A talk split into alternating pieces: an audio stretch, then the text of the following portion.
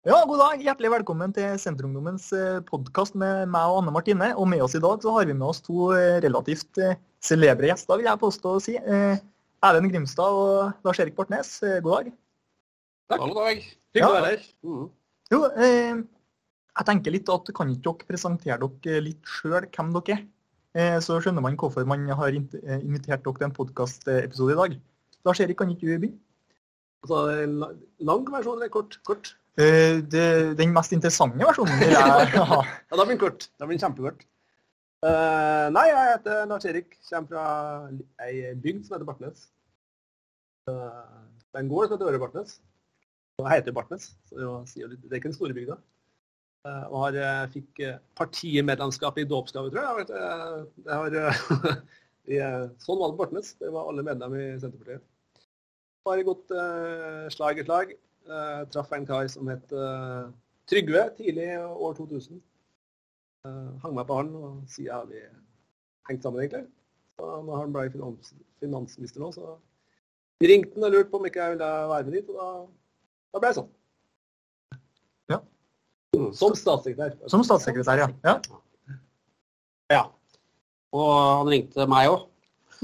Så da ble jeg også statssekretær. Så det er altså flere av oss. Eh, Men uh, kanskje ikke jeg jobber da sammen med Trygve i Finansdepartementet.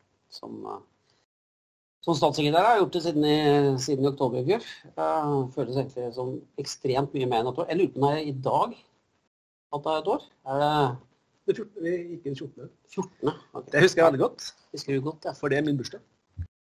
Så, ja. Du har snart bursdag. Mm. Det var bare et lite hint. Men, men kan ikke vi ta og, og begynne der? Når det ble ny regjering i fjor høst, eh, og så velger man jo sånn eh, så jeg vet, Dere vet jo mye mer hvordan man velger regjering og hvordan man utnevner sånne folk, men, eh, men hvordan ble dere statssekretærer? På en måte kan du ikke fortelle hvordan visste du det lenge før du ble utnevnt, eller eh, Det må være tidenes bursdagsgave, i hvert fall. Ja, Ja. nei, det er det jo, altså, hvis, jeg har jo vært statssekretær før, og da vet du at det ikke er en tidenes bursdagsgave. Det, det vet du er hardt arbeid. Men eh, nei, det å bli utnevnt sånn, eh, det er jo like egentlig absolutt hver gang. Det kommer like brått også hver gang.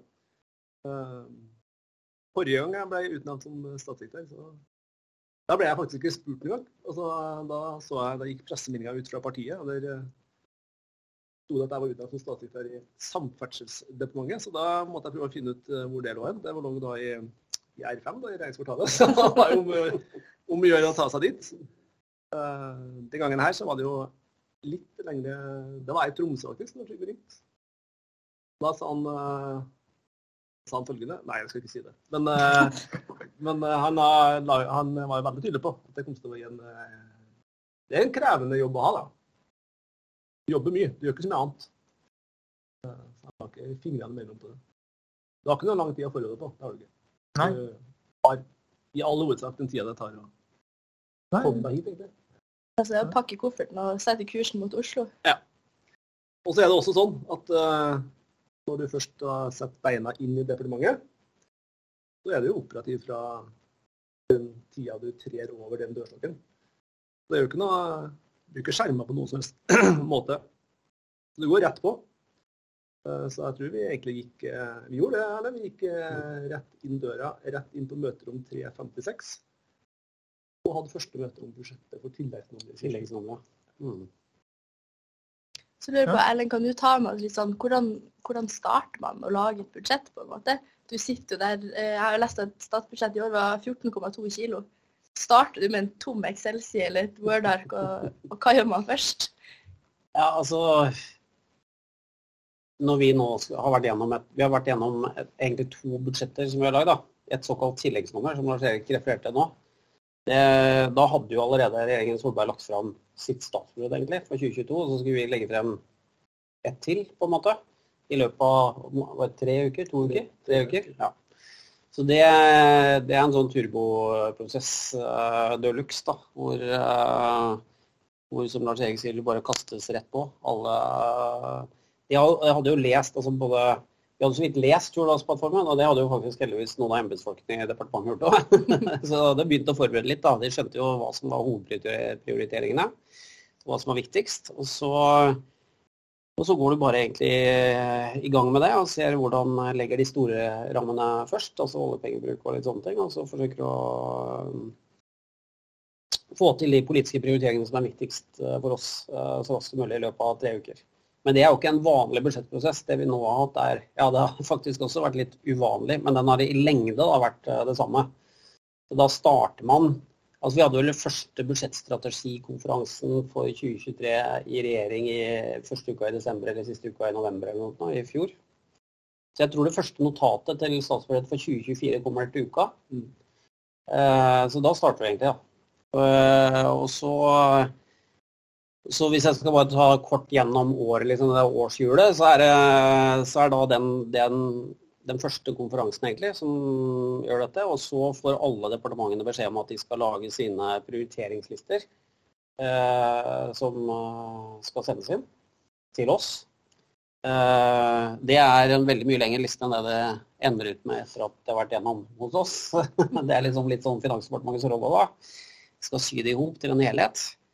Eh, og så, ja, så, jobber vi med et slags helhetlig opplegg frem mot uh, den såkalte Mars-konferansen. Hvor, eh, hvor, regjeringen skal da sitte sammen et, par dager. Og eh, vi kommer med et opplegg til hvordan dette skal være, som skal ende ut i noen hovedkonklusjoner. Som normalt sett er på en måte den vanskeligste runden gjennom en budsjettprosess. Da. Og den var vanskelig nok i år òg, og regjeringen traff sine, sine avgjørelser og presiseringer. Og så skal man videre da jobbe frem mot den såkalte augustkonferansen, hvor du, hvor du skal altså fastsette det endelige budsjettet. egentlig da. Det gjorde vi også i år. Normalt sett da, så, så er i mars er det kjempestramt, og så i august har du litt mer slack og 20 eh, milliarder eller noe sånt noe ekstra du kan plusse på. Sånn har det liksom vært i Norge i mange, mange år. Men det som skjedde i år, da, i motsetning til tidligere, var at når vi kom tilbake, så var det ikke 20 milliarder pluss og ekstra og sånt der. Det var eh, minus 30 milliarder. Eh, som var morgengaven etter at vi kom tilbake på jobb eh, fra ferien. Så da måtte vi klø oss i huet og finne ut av hva vi eh, gjør for noe nå for å få dette til å gå i opp. Så for å få til det, så har det vært ganske mye jobb. Men så legger man det til slutt frem, da. Som skjedde denne uken her. Mm. Ja, det skjedde vel i går, gjorde ikke det? Jo. jo. Ja. ja, det er bra. Men uh, kan dere ikke fortelle litt om, om, statsbudsjettet i år? Hva liksom er de viktigste prioriteringene og nedprioriteringene? Ja, vi trenger ikke å snakke så høyt om det, men liksom, hva er det som er, hva som er Senterpartiet og Arbeiderpartiet sitt preg i det budsjettet? Ja. Altså Det aller aller viktigste med dette budsjettet er jo at vi er i en situasjon hvor hvis vi ikke passer på den store pengebruken, så går det gærent. Altså Da øker renta, vi får massiv arbeidsledighet og vi krasjer økonomien vår. Det har vi gjort før. Eh, på 70-80-tallet, eh, når, vi, eh, når vi opplevde det samme i Norge, så holdt vi ikke igjen, og renta måtte til slutt ekstremt høyt opp. Så vi hadde masse konkurser og masse arbeidsledighet som, som følge av det. Så For å unngå at det skal skje, og for å unngå at privatøkonomien til folk, og den, også den offentlige økonomien og til næringslivet ødelegges, egentlig, så må du sørge for at du holder igjen på den offentlige pengebruken og den eh, sammen med pengepolitikken. Da, at det gjør at du ikke overoppheter økonomien, sånn at du opplever det her. Og Det er det aller viktigste. Holde prisveksten nede, holde renta så lavt nede som mulig, og unngå at det går gærent. egentlig. Og Nå går det gærent veldig mange steder rundt omkring i verden. Du ser i eh, Storbritannia nå, de gjorde det motsatte. I denne situasjonen her så la de fram et budsjett som var ekstremt ekspansivt, med historiske skatteletter. Og Det førte til at pundet bare forsvant rett ned, og at det er fullstendig krise. Og de har begynt tilbaketoget sitt på, på, hva de har gått for. Så det å holde orden i huset, holde styret ordentlig og trygg økonomisk styring for å, for å sikre at ikke den økonomien uh, går i knas, er det aller, aller viktigste. Også innenfor det så er det masse prioriteringer. Så Det som er viktig for oss da, er trygghet for folk, og at, uh, og at vi skal ha en eh, rettferdig fordeling. Geografisk og sosialt. Det har vært eh, prosjektet vårt. Så det, innenfor noen stramme rammer så har vi vært nødt til å gjøre noen ganske kraftige prioriteringer for å få, det, for å få dette til. Og eh, det har vi vært nødt til å gjøre i en situasjon hvor vi ikke bare gasser på med enda mer oljepenger. Det er det Norge har gjort siden 1998, egentlig. Hver ny utfordring så er det bare å gi på enda mer oljepenger. Hadde vi gjort det nå, så hadde, vi, så hadde konsekvensen vært høyere rente, høyere prisvekst, arbeidsledighet og potensiell lang krise. Det er det vi prøver å unngå. Og Derfor har vi vært nødt til å ta de der ganske kraftfulle grepene på f.eks. å dra inn disse ekstraordinært høye kraftinntektene. eh, For å finansiere at vi bl.a. har en satsing på Forsvaret, som vi jo må ha nå. Eh, At vi også har fått til ganske ordentlige tiltak, vil jeg si, på, på, spesielt i forhold til Finnmarks- og tiltakssonen og, og, og, det vi har gjort der, som setter et ordentlig Senterparti-preg på, på eh, budsjettet. Og at vi verner kjernevelferdsstaten, kan du si. At vi eh, sørger for at helse, sykehus, eh, kommuner, kommunetjenester, eh, barnehager som får lavere priser, at de tingene der som er på plass for folk, og samtidig som hjelper dem med de økte levekostnadene som er nå. Bl.a. ved at alle under 750 000 faktisk får skattelette. De som tjener mindre enn 750 000 får 4,5 milliarder i skattelette. De som er over må betale 3 milliarder mer. Det er sosial fordeling, og det er faktisk også geografisk eh, fordeling hvis du ser på virkningene i sentralitet.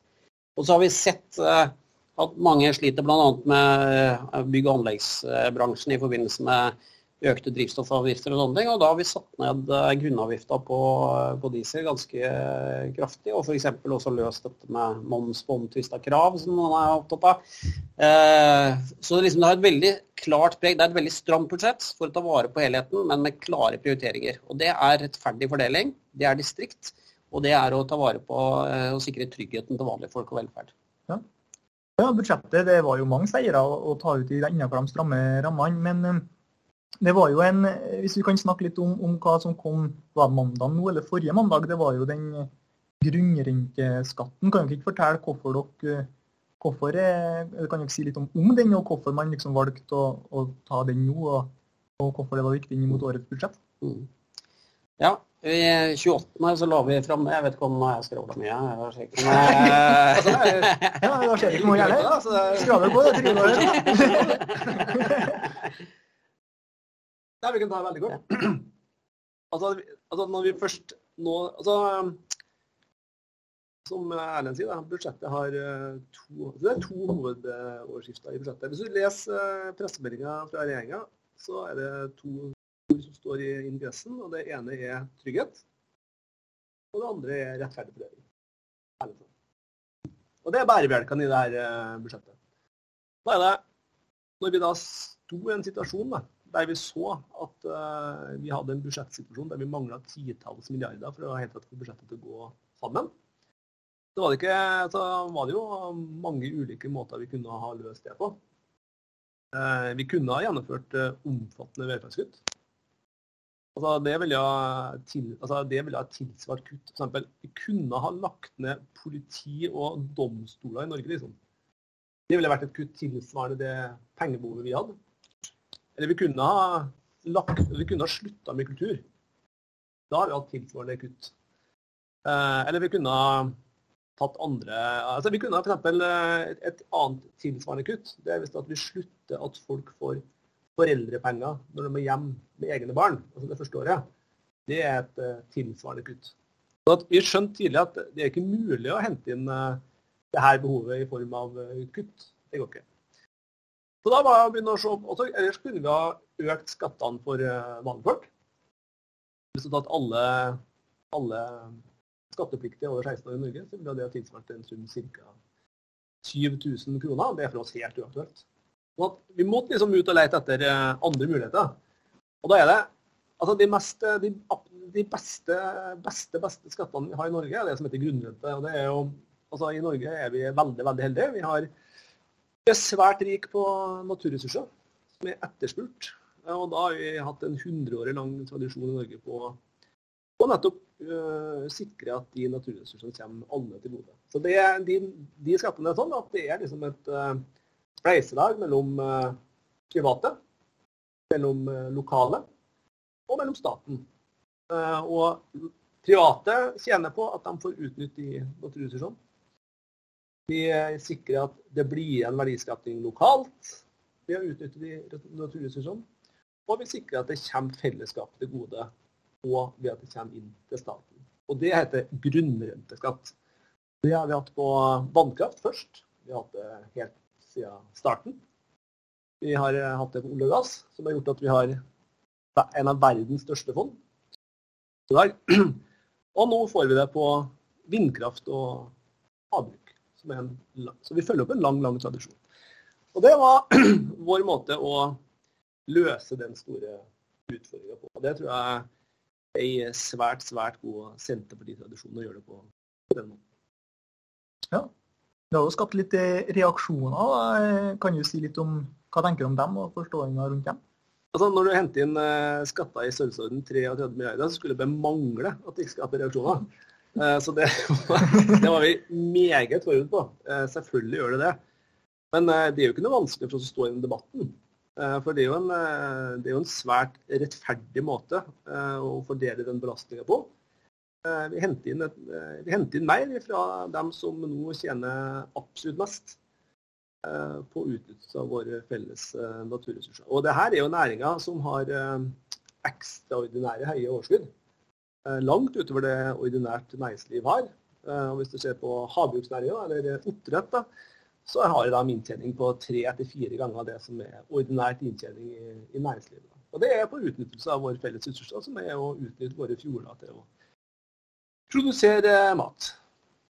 Ja, for det har jo storma litt, og eh, jeg tror ikke jeg skal starte en stor debatt, men jeg kommer jo fra en, eh, en kommune som, eh, som eh, ja, baserer seg mye på laks og lakseoppdrett. Og, og der har det storma litt den siste uka. og eh, virker ikke som folk er helt fornøyd, og det virker kanskje som i flere kystsamfunn òg, men eh, Mm. det handler kanskje at man må skaffe inntekter og, for å kunne satse på ting. Ja, og så tror jeg det er litt viktig å huske på at eh, når vi har lagd denne ordningen her, da, som for øvrig er på høringene, da, så folk kan komme inn med sine innspill hvis man mener at de bør, eh, bør tilpasses bedre. Men hele ideen er jo, er jo at lokalsamfunnene langs kysten kan sitte igjen med mye mer. Og Derfor har vi lagd et høyt bunnfradrag, som gjør at det bare er de største selskapene som egentlig kommer til å betale. Hvis du ser på hvem som sitter på aksjonærlista der, og hvor mye penger som tas ut av de selskapene i utbytter ikke sant? Du har eh, Movi med liksom Jon Fredriksen som sitter på eh, Kypros og tar ut svære utbytter. Bare det selskapet hadde 3,4 milliarder i utbytte de tre første kvartalene i år. Eh, jeg tror De 65 største aksjonærene i det selskapet alene var det bare én, norsk eh, aksjonær. Eh, eh, Cermaq, som er jo eid av japanske Mitsubishi. Altså det, dette handler egentlig om at vi tar noe av den verdiskapningen, helt ekstraordinært store verdiskapningen de har, og gir tilbake til lokalsamfunnene. Minst halvparten av dette skal tilbake. Alle kommunene kommer til å komme bedre ut. Og hvis ikke de av en eller annen merkelig grunn får det mer tilbake, da skrur vi på systemet for å få det til. For det er hele hensikten. Eh, og så det vi egentlig gjør, det er å ta fra Jon Fredriksen og Mitsubishi og gi til eh, lokalsamfunn langs hele, langs hele kysten.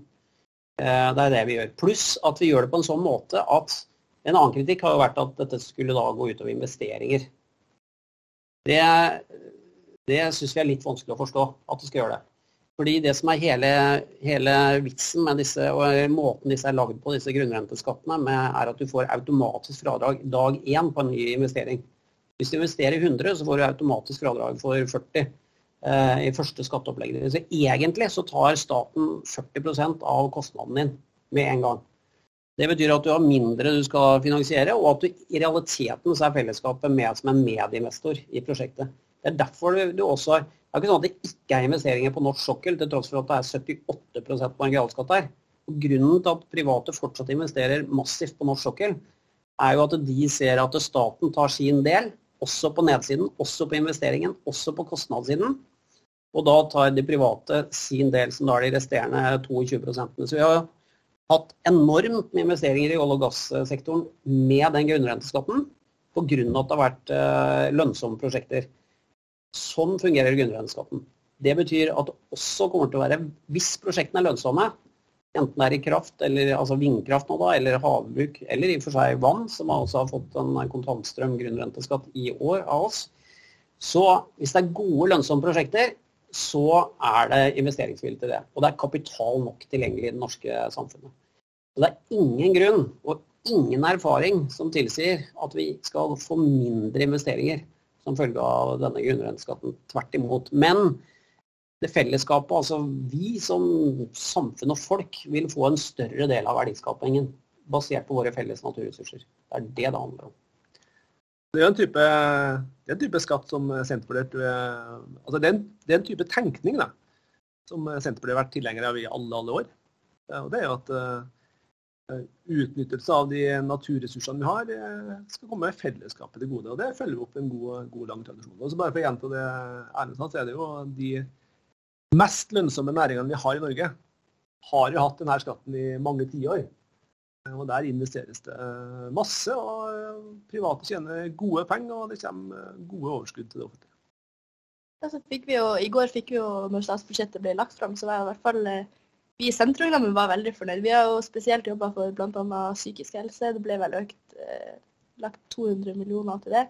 100 millioner til borteboer og utstyrsstipend, så det var virkelig en gladdag for å være Senterungdom i går.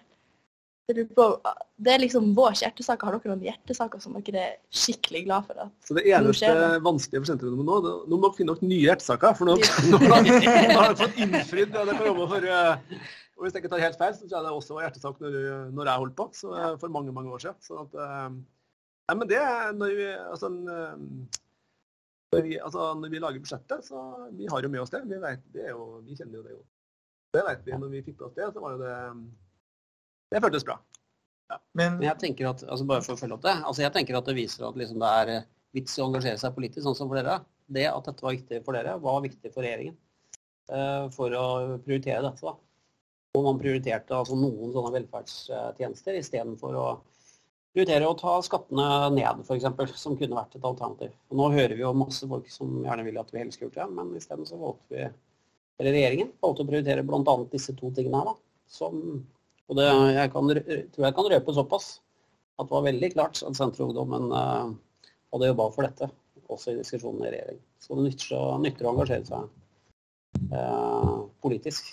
Mm. Ja, det nytter jo å engasjere seg. og så er det, jo, det er jo veldig artig å se at saker som vi tar og snakker med elever på videregående skoler om rundt omkring i hele landet, så bare knipser vi litt med fingrene, og så er det fiksa i statsbudsjettet neste år. Det er ganske, ganske artig. Eh, men er det ganske mange folk som har lyst til å, å ha en finger med i spillet når man legger opp budsjett, eller er det mange som banker på døra på Finansdepartementet og kunne tenkt seg et par millioner? Det gjelder å bli venn med dem i Finansdepartementet, kanskje? Det er selvfølgelig det er jo eh, så, Ja, det er veldig mange. Det, det, det våkner jo sikkert uh, tusenvis av folk hver dag som har som jobb å påvirke de holdningene og meningene vi har i Finansdepartementet. Så det er masse folk. Men uh, for oss er det veldig viktig å se litt over det. Eh, for det som er viktig for oss, er liksom det store bildet. Eh, og politikken i det store bildet. Det er jo det vi eh, jobber med. Men det er veldig lett å åpne døra når Torleik banker på. Torleik da, da er det lett å Da åpner vi. Da åpner vi. Han tror jeg har eget adgangskort borti Finans. Så nei, ja. han har ikke det. Men, men hvis den ringer, så kommer de. da. Ja, det er bra. Det er sånn det, det, er sånn det skal være, ikke det? Det er det. Ja, det Akkurat sånn det skal være. Mm. Men eh, apropos Senterungdommen og sånt. Dere har jo, vi har jo hørt eh, eh rykter om at dere har nå vært Senterungdommer en gang eh, i tida. Erlend, du kan ikke fortelle, du har vært leder i Senterungdommen, du? Etter Marit Arnstad, som jeg på, la oss på en Wikipedia-artikkel, stemmer det? Det er helt riktig. Ja. Det var for et par år tilbake. Ja, et par år tilbake. Nei, dette er jo 20, 20, år før jeg og Anne Martine var født. Nei, det der hørte jeg ikke. Nei, ja. Nei, det er en stund siden, ja. Men, ja. Uh, Hvordan var det å være leder i Senterungdommen på 80-tallet? Jo, det var Det var bra, det. Det var bra da òg. Mm. Og det som jeg syns er litt fint, er at mye av de der grunnleggende, det grunnleggende engasjementet og de tingene man liksom trodde på, verdisett og sånne ting, det er liksom veldig gjenkjennelig etter, etter alle de årene, på en måte. Så det, så hva skal jeg si, hovedprioriteringene, hovedprosjektet, det man er opptatt av, at liksom hele Norge skal tas i bruk, at vi liksom tror på hele Norge, at vi skal være herre i eget hus og bestemme over oss sjøl. Og, ha et godt samspill mellom uh, både privat verdiskaping, men også, også gode velferdstjenester. Det, det er der fortsatt, på en måte. Selv om statsbudsjettets størrelse, f.eks. Nå har jeg ikke sjekka hva statsbudsjettets størrelse var når jeg ble sentrumsleder i 1988. Men det var nok på et helt annet uh, nivå. Så det var mye artig og mye meningsfylt, og vi fikk gjennomslag og ble hørt på da òg, føler jeg. Så det det er noe som sitter igjen, kanskje, at uh, det funker faktisk å være med i Senterungdommen. Man blir hørt til. og mm. det er sånn, Vi leter etter noen eh, Vi ville ha en podkast om statsbudsjettet i dag, og så kommer det plutselig to fra Finansdepartementet dettende over. og så, ja, Vi setter stor pris på det. og ja. Men nå er det jo mange, det er jo mange av dem som hører på nå. Kommer til å være statssekretær om noen år. Mm. Helt sikkert. Sånn at Senterungdommen er jo en ekstremt god skole. Eh, for min del så er det sånn at eh, selvfølgelig, jeg husker veldig mye av eh, politikken vi drev med i men eh, det jeg husker best, må jeg si, det er nok det sosiale. Som var ekstremt morsomt. Hele det konseptet rundt at eh, 100-200 ungdommer leide ett hotell uten en person, der. uten så veldig mange voksne. Da. Som gjør at vi, vi passer på oss sjøl i stor grad. Eh, Med alle de opplevelsene det ga. Det må jeg si at jeg tenker på ennå, faktisk. eh, Som fantastisk god opplevelse. Har dere noen sånne spesielle minner fra sentrumnummer som sitter spesielt i? Ja. Det er ikke som vi snakker om her. har, du, har du noen gode minner som kan snakkes om her? ja, men ikke som er det Ja, ja, det er ja, mange gode minner. Men jeg husker bl.a. at vi satte verdensrekord og kom i Guinness rekordbok. Med flest antall eh, personer på ett par ski på landsmøtet i Nordfjordeid i 1988, tror jeg. Jeg tror det var Per Rune Vereide, som er vel nå fortsatt er fylkessekretær i Sogn og Fjordane, som var primus motor og løp rundt med ropert og fikk oss alle til å stå, gå, gå i takt. Jeg husker ikke hvor, men nest, mesteparten av landsmøtedelegasjonen som var med. da. Vi fikk eh, bilde i Guinness rekordbok. Det var kjempegøy. Det er nesten en kamp vi må ta opp, Nils. Ja, det, hvor, hvor, hvor mange var på skia? ja, nei, du må ringe Per Rune og spørre. Ja, det, da vet vi hva vi skal gjøre. Da kan ta kontraktskveld. Men eh, sånn, vi du var leder i 88, sa. Men er det noen andre som nå i regjeringsapparatet som var aktive i Senterungdommen? Eller stortingsrepresentanter? Det er vel betimelig å nevne Marit Arnstad, som var avtroppende leder året før. Ja, jeg overtok etter Marit, da, som, eh, som jo fortsatt er, eh, er godt med. Eh, det er det sikkert. Vi har Eh, jo um, Erling. Er jo på SMK. Ja. Som statsminister. han var ikke der i 88, Nei, eh, generelt. Nei, men altså, Senterungdommen er jo pakka fullt på Stortinget og regjering Ja, ja. og sånn. Det er vi fullstendig klar over. Og den, eh, men eh, mange under 30 i apparatet, men liksom fra deres tid, da, som liksom har vært med, hengt med. Huske på at vi... Dere er jo to forskjellige Ja, det det det eh, generasjoner. Det var viktig for deg å påpeke. Nei, ikke for at det var viktig for eh, Erlend å få fram det. Eh, Det høres ut som en sånn onsdag. Kanskje ikke det. Men du var på tida med Marit Arnstad, og du var på tida med Trygve, da. For å... Jeg skjønte det noen år siden. Altså, både jeg og Trygve hadde jo en vakker midtskill da vi var i sentrum. det. Det, er også blitt noen år siden. Mm. Da hadde du ikke gitt Nobelprisen til Island? Ja. Nei, jeg skal ikke si det. Nei. Men det jeg mener, saken, den saken eh, viser bare at eh, research er viktig når du driver politikk. Du må eh, bruke litt tid på research. Og da, akkurat den saken brukte vi litt lite tid på research. Det var et forslag på sentrum, men du må Nei, vi takker den. Vi tar, Jo, jo den, den vil jeg veldig gjerne du skal ta. det, var, det var rett og slett et eh, sjeldent dårlig forslag fra sentrummen, som de hadde et betydelig ansvar for. Eh, Ja, hva, Hvilket forslag var det? Nei, det Jeg må skru av lyden. som skapte mye diskusjon. Eh, Jeg husker overskrifta i Trønderavisa som eh, var, det var De hadde en, to, en leder delt i to dagen etterpå. Og, den, eh, og kommentaren rundt eh, vårt utspill da var 'idioti 2'. Var det. Så var det en annen som var idioti 1, men vi fikk idioti 2. da. Forslaget var slett å gi bort fredsprisen til Island. Det var for dem, Vi mente at Island var en fredsnasjon. Som eh, i større grad, det var, altså, Vi hadde et engasjement rundt eh, det eh, USAs inntog i Irak. Som noen husker. Vi var veldig imot det. Og at Norge da liksom støtta opp om det på et vis, det syns vi, synes vi ingenting om. Som for øvrig viser seg å være et veldig godt standpunkt. da. Ja, det bra. Veldig bra standpunkt. Eh, Men eh, for å få fram det, så mente vi at Norge var jo ikke noen fredsnasjon lenger. Det var en krigsnasjon. Ja.